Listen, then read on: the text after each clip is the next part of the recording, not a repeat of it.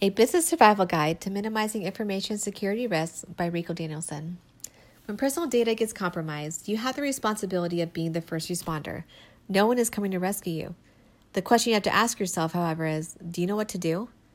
Much like survivor skills, unless you have trained for them to become habit, chances are you may not know what to do when these incidents arise. It is very important to either be trained in handling these types of incidents or at the very least have a game plan. Big companies spend thousands of dollars to set the stage for data handling, such as training and higher insurance. However, what happens to the smaller companies that cannot afford the same data handling? Education and small assessments are the best alternative route. Small businesses such as May Med Spa or attorney's office have a responsibility to protect their customers' private data. When handling customers' private data, upholding the utmost right and ethical standards should take priority. By upholding these standards, small businesses will be able to determine risk factors for their customers to ensure they are safeguarded. It's important to note if a small business poorly handles customer data and or allows interaction with the data beyond controlled, they will become a target to hackers and other malicious persons. If a small business is hacked and the customer's information is compromised, insurance companies have the ability to deem the business as a higher risk and therefore increase premium. In the long run, this will end up costing more money for the small business owner.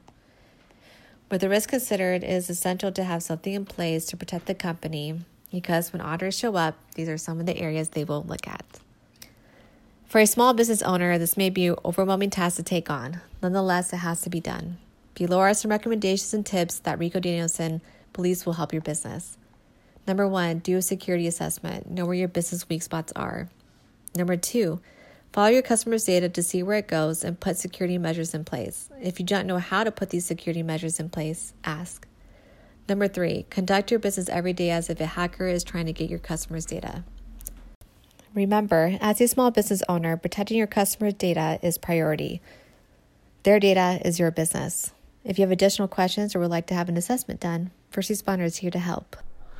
Hey, hey guys, this is Rico with First Responder, and that article was read to you guys by Gabby McMillan. Okay, so this is going to be a, a few part series, a business survival guide to minimizing information security risk. And the intention with these articles uh, and also this is to provide further education, not only to big businesses like hospitals and medical companies and whatnot. But what about the small person? What about the small business, such as med spas, attorneys' offices, dry cleaners, nail salons, and whatnot?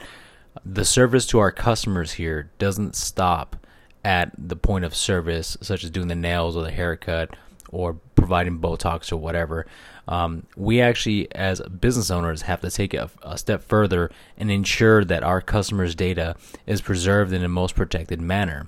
So that means taking a no bullshit assessment, no BS assessment, and understanding and looking at our environments and saying, hey, are we housing and interacting with our customers' data in the best, securest manner? If you don't know, you should probably ask. If you need some help, let us know. We'll be more than happy to help you guys out. Thanks for your time. And if you guys have any questions, come visit us at firstresponder.us, number one st responder.us. If not, you guys are always welcome to email me.